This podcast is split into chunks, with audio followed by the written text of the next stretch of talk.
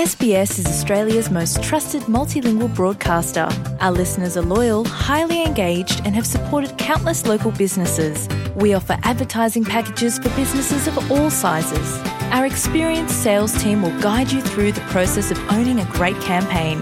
Bring your own ad or have our production team make you something in one of our 68 languages. Start the conversation with your new audience today. Email sales at sbs.com.au. شما با پروگرام دری رادیوی اسپیس هستید گزارشات عالی را در sbs.com.au دری پیدا کنید کارشناسان هشدار می دهند که استرالیایی ها به طور فزاینده عادتهای نادرست را در رابطه با صحت دندان ها اتخاذ می کنند. در حالی که بسیاری از این عادات قابل اصلاح هستند اما اگر بر عوارضی که این عادات به بار می آورند چشم پوشی شود ممکن باعث مشکلات شدید صحی گردند. برای بسیاری از استرالیایی ها رفتن نزد یک دکتر دندان چیز خوشایندی نیست. در واقع تحقیقات جدید نشان می دهد که صرف 13 فیصد استرالیایی ها در 12 ماه گذشته نزد دکتر دندان مراجعه کردند. یک نظرسنجی 25 هزار نفر که توسط انجمن دکتران دندان استرالیا انجام شده نشان می دهد که بعضی استرالیایی ها عادت قابل سوال را در مورد صحت دندانشان اتخاذ می کنند. دکتر میکایل کنوتی از انجمن مذکور میگوید که از هر چهار بزرگسال استرالیایی سه نفرشان وسط دندانهای خود را به طور منظم پاک نمی کنند. So most commonly we think of flossing. Um, as well, one in five adults only brush once per day. But interestingly, for those who said they only brush once per day, um, 30% of these people said it caused them pain. And then the next most common reason was actually that people thought it was bad for their teeth. دکتر روشان ابراهیم یک دکتر دندان در سیدنی است او میگوید که بعضی مردم ارزش پاک کردن فاصله بین دندانهایشان با تارهای مخصوص یا به اصطلاح فلاسینگ را نمیدانند. There is um, sort of a pattern there in that the, the there is a group of people who are like fastidious with their dental hygiene, and there is another that aren't that much fastidious, and they think that just brushing you should keep think them out of trouble. And and even even these days, I get people telling me, come and say, I know, doctor, I caught this um, hole in my tooth, but I brush every day. And I ask them, do you floss? Oh, no, no, no, I never use floss, but I clean in between my teeth with my brush, toothbrush, and I'm like, you know, I can't get there. So, so that is a problem. نادیده گرفتن عادت بهتر تمیز کردن دندان احتمالا می تواند باعث تأثیرات منفی بر ساحات دیگر صحی شود که دکتر کنوتی می گوید دو سوم بزرگسالان از آن آگاه نیستند. One of the I guess, best known or most common that we often refer to is the impact that um, diabetes can have on the mouth. So, people with type 2 diabetes that perhaps hasn't been detected or is not being controlled well at that point of time can actually increase someone's risk of developing severe gum disease, where what happens in the mouth is that the bone and the gums is, is lost from around the teeth. So, they can actually become loose over time if the disease isn't treated. پینگ پینگ هان محققی در فاکولته طب دندان پوهنتون کوینزلند است.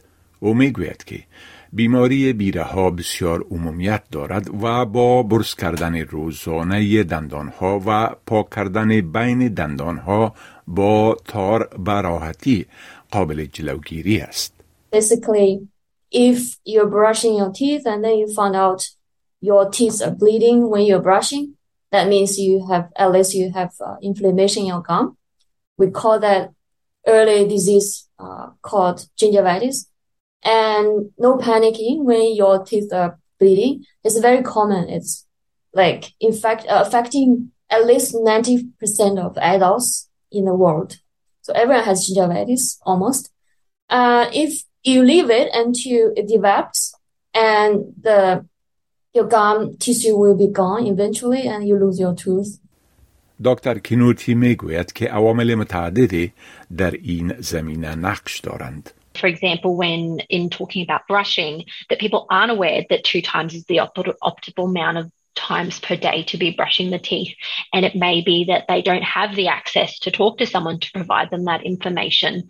Um, eh, or and for some people who are accessing the dentist, you know, it's things at play such as you know, COVID has prevented people, loss of jobs might have prevented someone not living near a dental clinic, it might prevent someone. So there's a lot of factors that play typically that come together that, that, that affect people's ability to follow through on some of these recommendations. بر علاوه مسدود شدن کلینیک های تداوی دندان به دلیل همگیری کووید 19 برنامه های طب دندان با بودجه ضعیف و آگاهی رسانی کم درباره آنها لیست های انتظاری طولانی برای تداوی دولتی دندان ها و افزایش هزینه بیمه های صحی خصوصی هم ممکن در افزایش عادات نادرست مراقبت از دندان ها نقشی داشته باشد.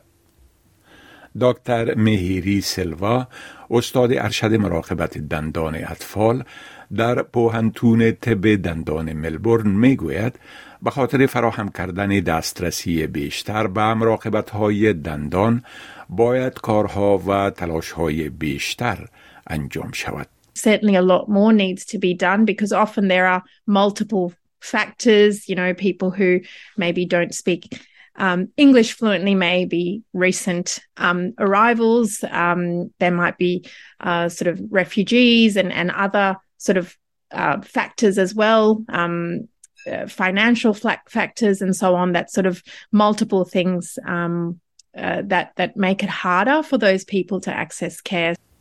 دکتر سلوا میگوید که خدمات عمومی طب دندان در سراسر کشور منابع و حمایت را برای کسانی که به آن نیاز دارند فراهم می کند. Depending on where you are, you know, your dentist might be able to offer a um, interpreter service. Certainly most public clinics are able to do that and, and hospitals are able to do that. دکتر روشن ابراهیم همچنان در خدمات طبی بومیان دوری در کمپسی سیدنی کار می کند. او می‌گوید در نیو ساوت ویلز خدمات عمومی طب دندان مراقبت های رایگان از دندان را به اطفال زیر 18 سال فراهم می کند. اما دکتر روشن می‌گوید که بسیاری از مردم نمی‌دانند که ممکن واجد شرایط حصول این مراقبت ها و خدمات دندان باشند. So all children, regardless of their parents' uh, level of income, uh, even if they are millionaires, they could come to a public clinic and get uh, work done. او همچنان می‌گوید که اگر مردم دارای کارت امتیازی یا کنسشن کارت معتبر باشند واجد شرایط تداوی رایگان دندان در هر سیستم طب دندان دولتی در ایالتشان هستند. دکتر کینوتی از انجمن طب دندان استرالیا می‌گوید که داشتن اطلاعات صحیح کلید برای تغییر به عادات نادرست در ارتباط به مراقبت از دندان است.